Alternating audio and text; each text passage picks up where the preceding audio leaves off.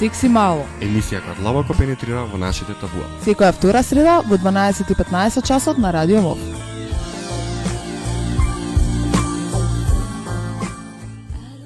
Значи, здраво на сите слушатели на Радио МОВ, уште еднаш со вас, уште една среда, волонтерите на Хира. Еве здраво едни од мене. Малце во помал состав денеска, само јас, Маце и Ани во студиото и уште еднаш да пенетраме длабоко во нашите табуа. Уште една среда така и мислам дека нема и прв пат да ви биде на само нас да не слушате ние две. А, едно мало е оправдание нели за Марија и за Велимир. Дека има други обврски, дека не се тука. Значи, денеска ќе зборуваме за нешто што веќе горе доле сме го зборувале. Го зборувавме во однос на сексуалните права. Денеска малку ќе зборуваме на поопширна тема, односно на човекови права. А, мислиме дека ќе биде интересна, има некои податоци низ историјата што како се случувале, некои важни личности. И во глобала денешната емисија ќе биде посветена на тоа. Така, веќе која општо ја начна темата за о, човекови права, нели тука морам да ги споменам дека ќе се надоврзаме со Махатма Ганди, значи Мартин Лутер Кинг, Роза Паркс, Ненсел Мендела и уште некои, Пар други, да. пар други личности, кои што, да. Кои што работеле на подигање на свеста кај луѓето во друг аспект на човековите права. Така да што се важни личности од дел од историјата, значи кои што се поврзани со човековите права. И граѓанските иницијативи, граѓанскиот активизам воопшто. Значи најпрво, она што нели по теоретски за човековите права е дека нели постои декларација за човекови права, на сите ни е многу добро позната, донесена на 10 декември 1948 година во Обединети нации во Париз. Значи таа е документ кој што произлегува од случувањата во Втората светска војна и е всушност првото изразување на човекови права, значи кои што се пишани, односно права кои што ги имаат сите човечки суштества. Токму затоа 10 декември се слави и како ден на човеков, човековите права, пардон, или меѓународниот ден на човекови права. Интересен податок тука. Така, интересен податок, да, да, да. А, дека според Гинисовата книга на рекорди, а, дека а, декларацијата за човекови права е опишана како најпреведуван документ во светот. Токму така, покрај малиот вовет нели за човекови права, сакам да кажам дека ќе збориме кој што веќе кажа за најпознатите личности во светот кои дале свој допринес за подобрување на човековите права. Така да. И исто така би сакала да се надоврзам дека во токму во оваа емисија ќе говориме за луѓето кои што се бореле значи за на еднаквост за постигнување на еднаквост меѓу сите луѓе за нивните права, слободи. Ќе зборуваме за нели правата на жените, маргинализари, да, маргинализираните заедници. Токму така, односно оној дел што нас како организација можеби и највеќе не не тангира. А, Ани веќе напомена, една од најстакнатите личности нели во оваа борба е која кој не Махатма Ганди. Така. Значи, тој со сета своја сила се борел за човековите права на еден ненасилен начин, всушност и на цело тоа ненасилство се темели неговото учење. Токму затоа денес, а бога ми во минатото, тој има огромно влијание врз сите граѓански движења, врз сите граѓански иницијативи. Некој Така е, да, би сакал, извини што ќе те прекинам, Не. а, не, би сакал да прочитам, а, ние ги извадивме нели некои негови изреки најпознати онака. А, значи тоа е кога и да се случите со противник, освоите го со љубов. Никој не може да ме повреди без моја дозвола. Ние мораме да бидеме промената која сакаме да видиме во светот. Ова мислам дека е едно од најпознатите, најпрочуените нели негови изреки. И а, покрај него, значи покрај Ганди, еден од исто така најстакнатите борци за човекови права е Мартин Лутер Кинг, значи Мислам дека на сите ни е познат како и Ганди, нели, Така. кој е што правел Мартин Лутер Кинг, на кратко тој е нели борец за правата на афричко-американската заедница во Обединетите нации, а и ширум светот. А, исто како и Ганди, негова порака било ширење на еднаквост меѓу луѓето на еден ненасилен начин, значи рамноправност на луѓето, еднаков на еднаквост на нациите Да. и слично. И па токму подоцна, да, и ги на а, ослободувањето на робово детелството, значи Така прекинувањето на оние користење на робовите и слично. На трудот. Да, на трудот, да, како. Токму така и заради тоа Лутер Кинг денес е една најпозната национална икона во историјата на модерниот амерички либерализам. Токму затоа тука би сакале нели да го пуштиме оној негов најпознат говор I have a dream, така да ајде. So even though we face the difficulties of today and tomorrow, I still have a dream. It is a dream deeply rooted in the American dream. I have a dream that one day this nation will rise up and live out the true meaning of its creed.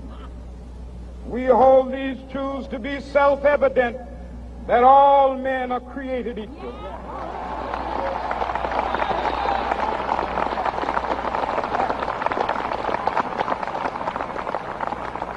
I have a dream that one day on the red hills of Georgia, the sons of former slaves and the sons of former slave owners will be, able to sit down together at the table of brotherhood. I have a dream that one day,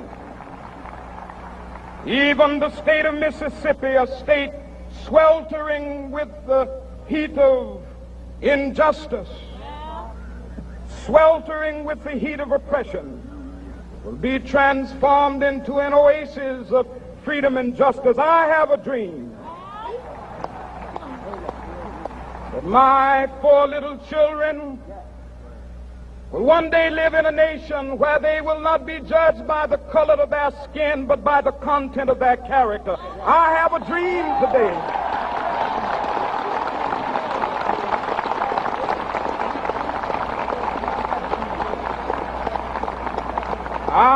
A dream that one day down in Alabama with its vicious racists, with its governor having his lips dripping with the words of interposition and nullification. One day right there in Alabama, little black boys and black girls will be able to join hands with little white boys and white girls as sisters and brothers. I have a dream today.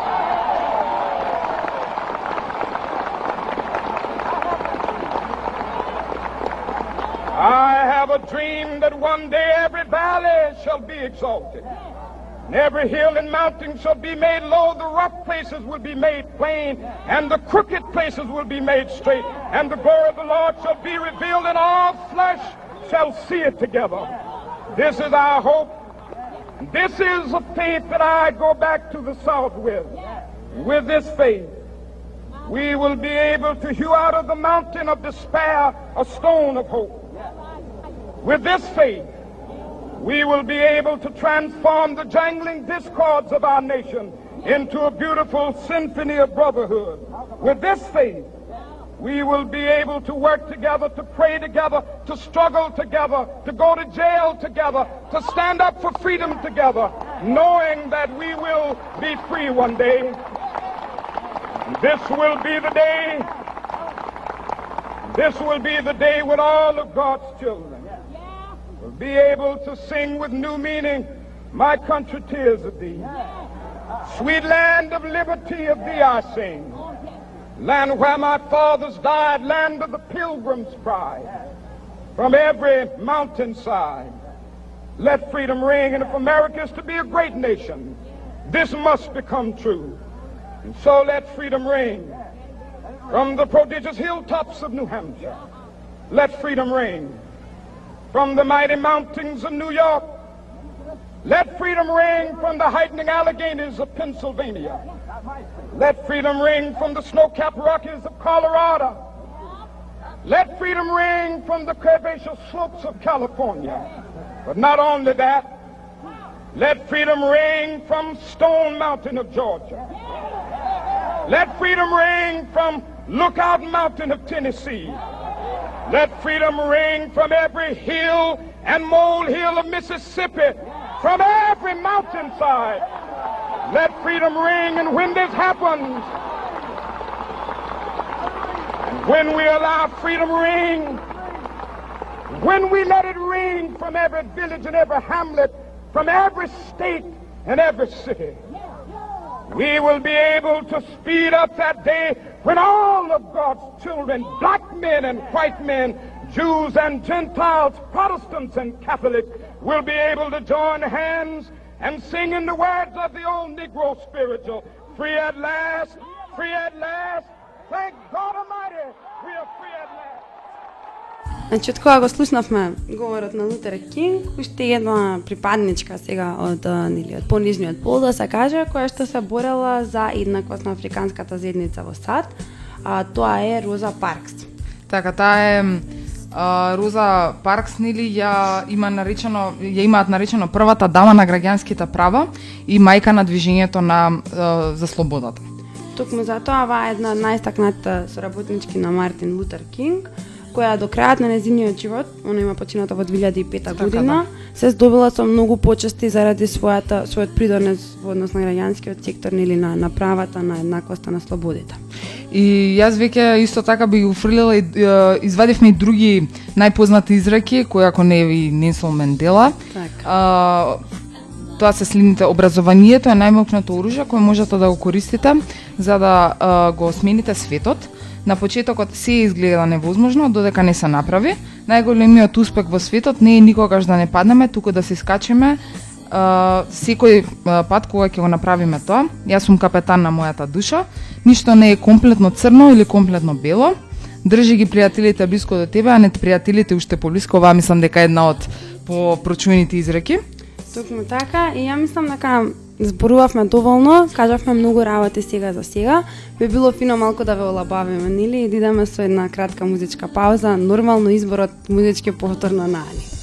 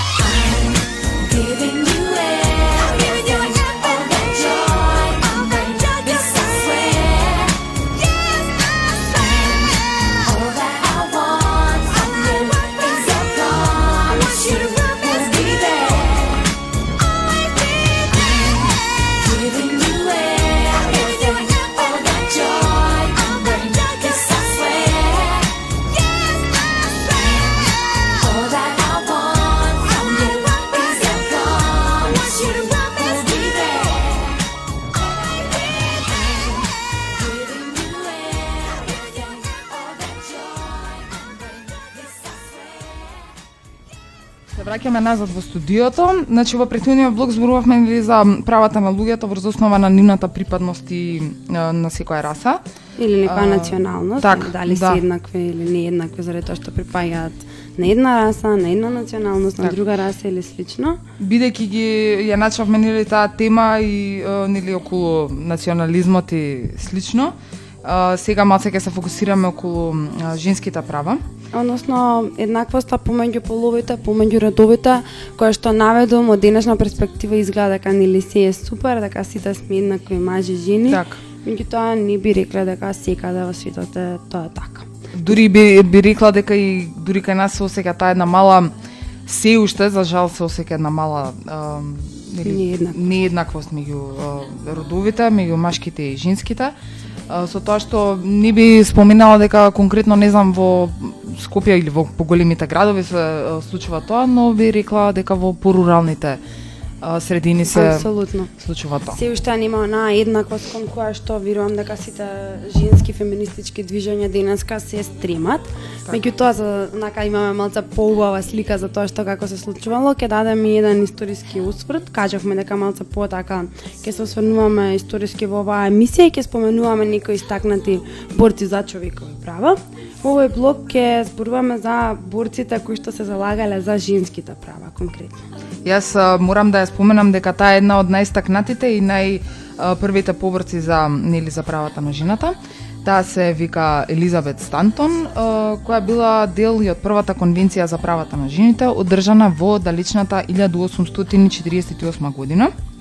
На оваа конвенција била подпишана првата декларација за правата на жената, чиј главен автор бил токму Била самата била Елизавет. самата Елизабет Стантон, да. Оваа декларација била направена врз база на декларацијата за независност во САД.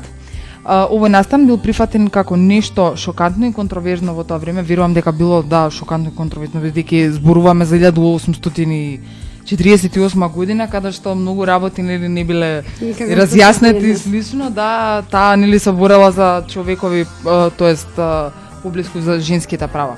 Значи, жената во тоа време апсолутно била гледана како домаќинка, незиниот труд бил обезвреднуван, немала никакво право ниту на образование, да не зборуваме за право на глас, да не зборуваме за партиципација во одлучување и слично. Така било би го наредла еднородно општество каде што Баш. машките биле онака Предоминантни. угро план, да, предоминантни, а жената била онаа секогаш во втор план каде што завршувала некои поситни работи, би ги нарекла во наводници.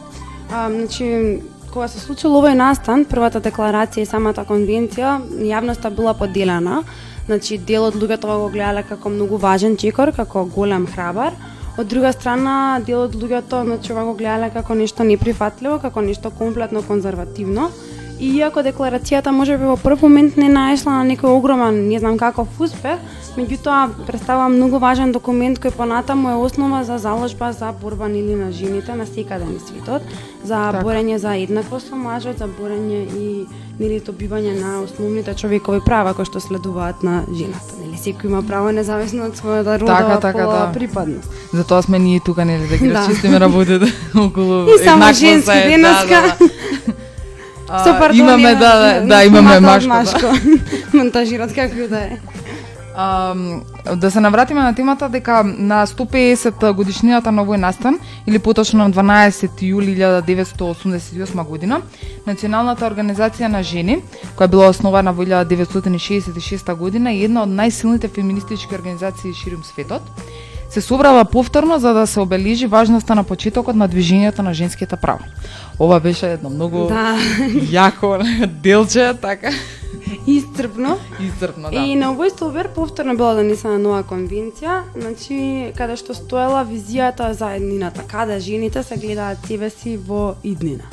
Значи, Така. во својот документ, а, жените широм светот кои што се собрани во оваа организација, а, истакнале неколку работи. Пред се дека го замислуваат светот во кој жените рамноправно ќе живеат, значи а, ќе имаат комплетна емансипација и а, дека ќе се ја собствената судбина.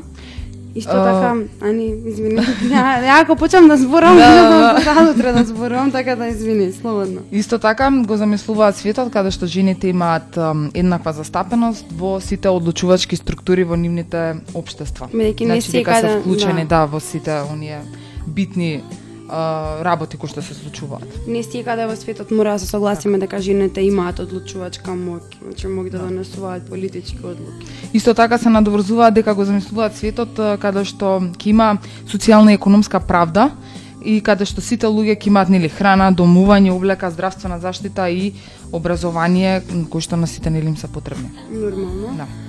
Значи, ам, го замислуваат овие жени, како се надам и сите останати жени, Да. а, светот каде што ќе постои признавање и почитување на вредноста на секоја личност, како и богата раздобитност на најразлични групи а, помеѓу луѓето. Значи, ние цело време форсираме нели различност, разноликост, дека е вообичаена работа, дека е тука, дека е присутна и дека нели треба едноставно луѓето да се прифатат такви како што се, без при тоа да се дискриминираат, без при тоа да им се рушат основните човекови права и слободи. Независно од нели од бојата на кожата, од националист од националистичката гледна, гледна точка, дали е машко, женско, пол, род, веќе тука Сексуалната ориентација, така да. што ќе збориме малку Да. подоцна.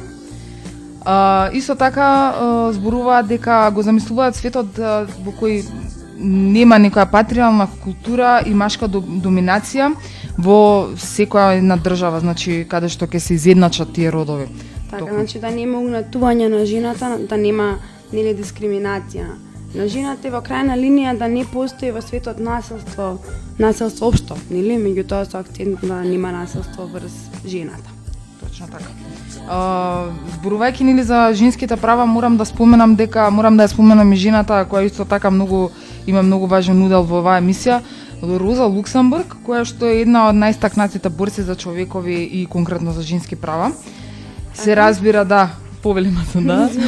Значи, кога зборуваме за Роза Луксембург, нели одма на неа се надоврзува Да. и Клара Циткин, па која што во 1911 година дури го организирала првиот интернационален ден на жената, која што нели до ден денес ние го славиме. Така. Бидејќи сепак ќе дојдеме до таа точка дека мажот и жената во светот се уште не се на еднакво на еднакво равниште. Така.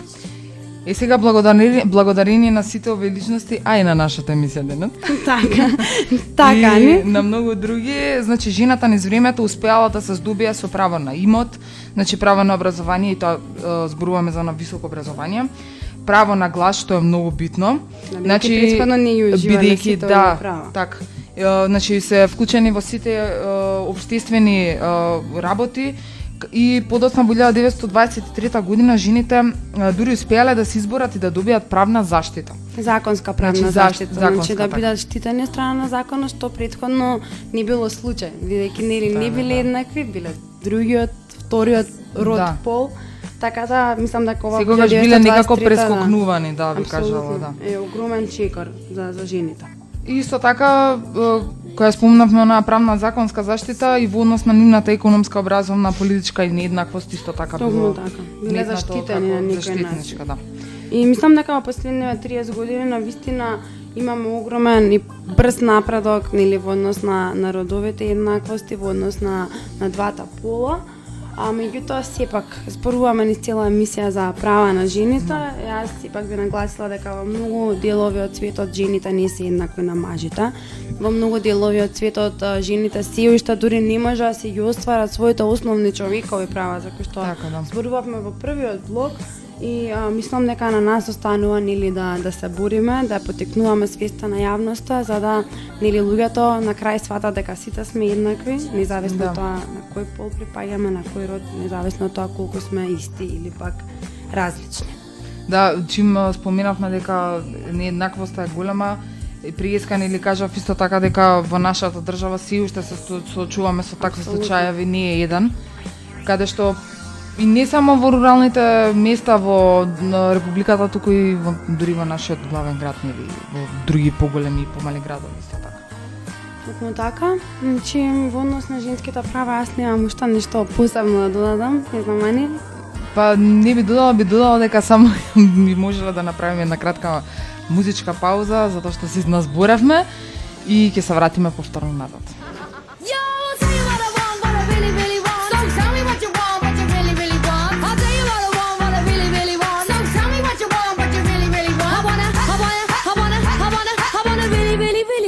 music. If you want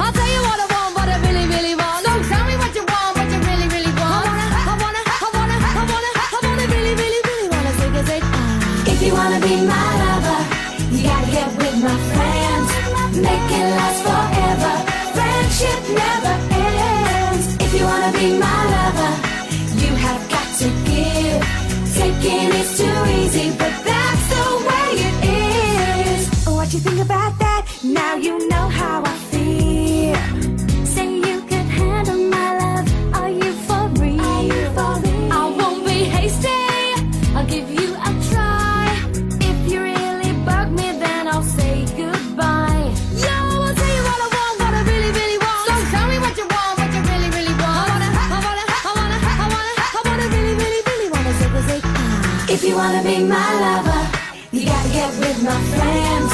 Make it last forever.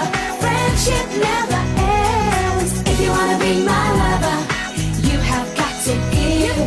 Taking is too easy, but that's the way it is. So here's a story from A to Z. You wanna get with me? You gotta listen carefully. We got M in the place who likes it in your face. You got G like MC who likes it on a easy V. who doesn't come for free. She's a real lady.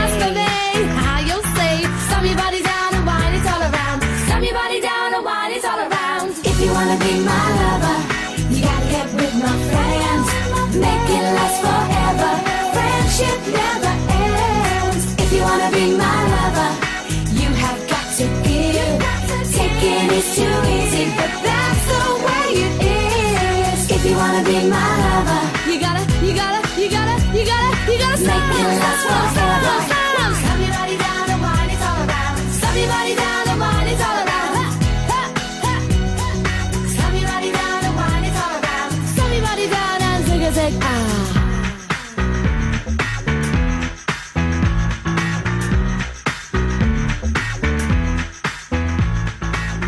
wanna be my lover?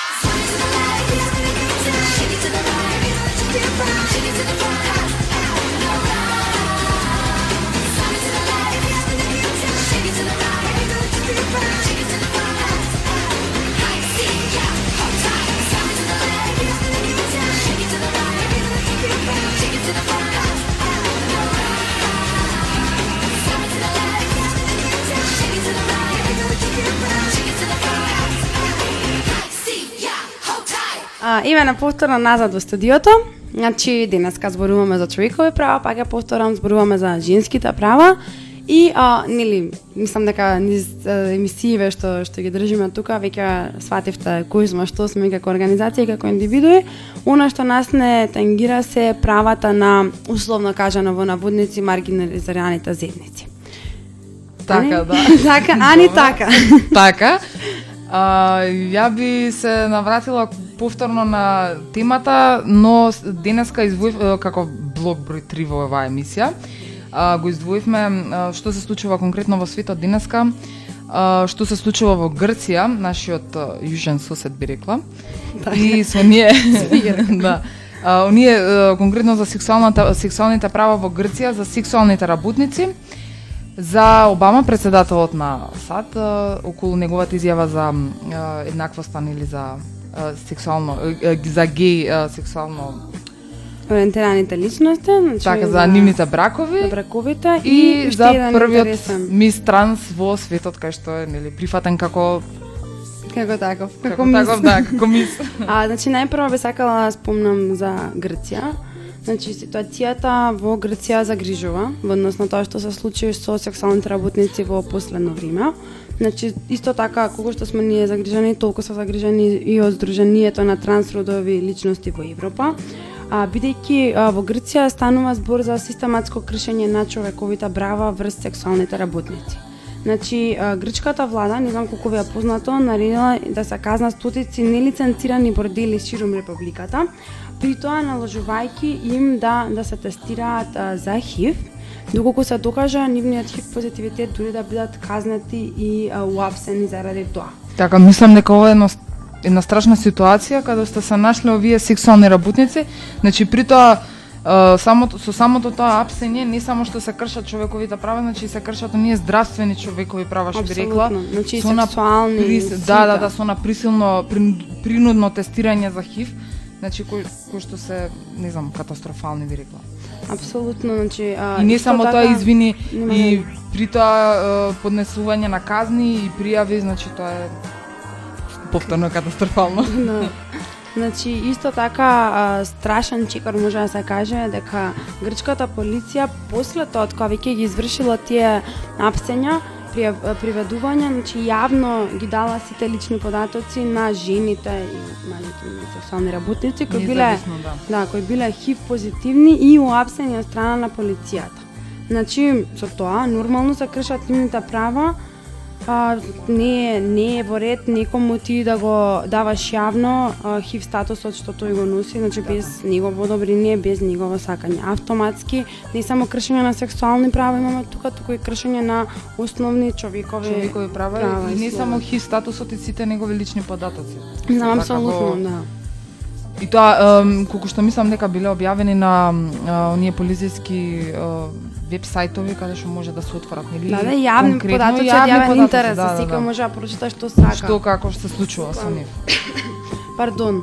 Значи, токму затоа, Сдруженијето на трансродови личности во Европа излезе со јавни, јасни барања кон грчката влада и тоа веднаш да се реагира и да се прекине со присилните затварања, здравствените тестирања и нарушување на самите права, да се истражи целиот случај со грчката полиција да се воведе одговорности, значи никој мора да ја преземе одговорноста за оваа акција, да се преземат чекори од околу нормалното живење и работните услови на сексуалните работници во Грција, независно од нивниот хив статус или пак родов идентитет, да се вклучат исто така сексуалните работници и трансличностите во вработувањата, значи воопштите добра во сервисите што ги нуди државата и слично.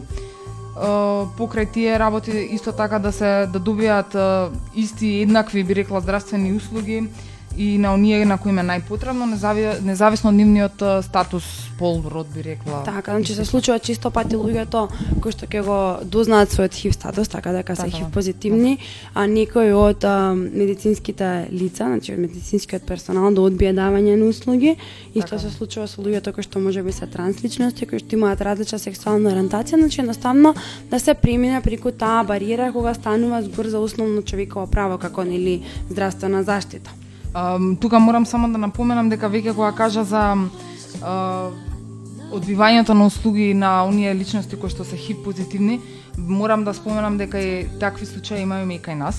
Да. Значи секоја секоја нели честна исклуча се, но се случува и кај нас да има Одбивање на услуга. одбивање. Тоа нема лично да оди као оди кај друг, но ќе те препрата, значи оди кај некој друг, трет. Си имаат свој изговор. Така. Значи во секој Да. случај а, медицинскиот персонал нема да ја даде бараната здравствена услуга. Така едноставно ќе ќе те прерипаат и тоа е тоа. Баш. Значи и во однос на ситуацијата во Грција, значи Сдруженијето на трансродови личности бара уште да се донесе законска регулатива околу нели потребите на секој сексуален работник. Значи ја мислам дека лично дека ова се многу добри барања, дека доколку се исполнат нели ќе имаме едно посензитивизирано општество кое што понатаму ќе биде пример за за другите и луѓе и а, држави. така. Мислам дека овие се права многу вообичаени кои што не бараат многу едноставно си бараат иста еднаквост како сите останати луѓе. Токму така. Бидејќи тие се нели суштества човекови Битија. битија, да, кои што си имаат исто така право. Знаеш така, и сега имаме контрадикторна ситуација, значи нашиот тужен статут кој што крши определени основни човекови права и ситуации од другите места во светот, на пример во САД. Председателот Барак Обама пред некое време во едно од своите последни интервјуа, значи јавно го истакна своето мислење и даде јавна поддршка за склучување на бракови на луѓето од истиот пол, односно истиот род. Значи едноставно председателот Обама кажа да, Да, за геј геј браковите, браковите, лесбиските бракови. Така. Значи што е еден огромен чекор кон разбивање на табуата, на стереотипите, значи огромен чекор кон исполнување на човековите права. Така, би рекла дека чим Америка го кажа да, кажа да на таква голема работа, дека ние помалите би ќе научиме и не знам. Да, баш ќе Обично научиме. така идеме да, нели од по нив се раководиме. И исто така, значи во покрај сад, Во крај сад, така да морам да, да истакнам дека во Канада пред неколку дена бевме свидоци на првиот мис транссексуалец, каде што Джина Талачкова а, направила операција на полот која кога имала на, значи 19 години, значи 19 години. прво таа била тој, тој сега па веќе сега таа, таа, да. и едноставно девојката живее како жена, Жена, веќе сега. си живее најнормално. И бидејќи е многу убаво изгодно, че треба да се видат тие фотографии, а, решила да се пријави на Мис Универзум а, во Канада. Каде што морам да напоменам дека најпрво таа не добила одобрение, значи нејзиното барање било одбиено. Нормално. За пласманот на изборот на, на убавица. Они си имале Во некој Така, во Извини. Универзум за 2013 Значи, они си имале некои свои воспоставени правила предходно, каде што да, да кажала, велеле дека за да се пријави една девојка на Мис Убавица мора да биде родена како жена, што очигледно а, со по незините напори, значи по напорите на Джена а, било сменето. Значи таа направила Така, со подпишување нели на петицијата, таа се изборила за учество. И Джина иако не не победила, не освоила титулата, не мисот не се одржа битно. пред неколку дена колку што Да, знам ја, баш брзо беше свежа веста, да. А, не па победи. се пласирала, да, не победила, нити се пласирала како прва или втора нели придружничка. Сепак многу е битно дека успеала да влезе нели да се пласира меѓу 12 најубави жени и да направи еден огромен чекор па натака за LGBT заедницата и за Да, мислам, сепак ти, а, ова е едно, може да се каже, ако се работи за обичен избор за убавица, сепак е чекор каде што се менуваат определени воспоставени правила со години, значи каде што нели се се даваат повеќе можности за припадниците на ЛГБТ заедницата, посебно за трансродовите трансродовите личности. Уште еден пример од кој што сите можеме да учиме, значи како и што треба да се случува, како да се почитуваат човековите права, разесоците. Исто би сугерирала да отворите на интернет ако до сега не сте отвориле да да ги видите фотографиите на убавата така. Джина. Мислам и клип, клипови има. Има, мислам дека да, од изборот. Да. А, ам, Ако до сега не сте виделе, да. Исто така може да изгуглате, не знам, или да отворите, да ја отворите нашата веб страница hera.org.mk да прочитате интересни работи поврзани со нашата организација за нас и што работиме. Точно така, да не следите на Facebook и на Twitter. А ние со Така. вас се слушаме за две недели од сега. Се Така, надам за со некоја интересна тема. Среди, да, ќе не знам, ќе збориме, ќе дебатираме повторно. Се надевам во поголем број Да, денеска дефинитивно јас. за некои поинтересни теми. За од мене чао, толку. И од мене се слушаме за две среди. Бај.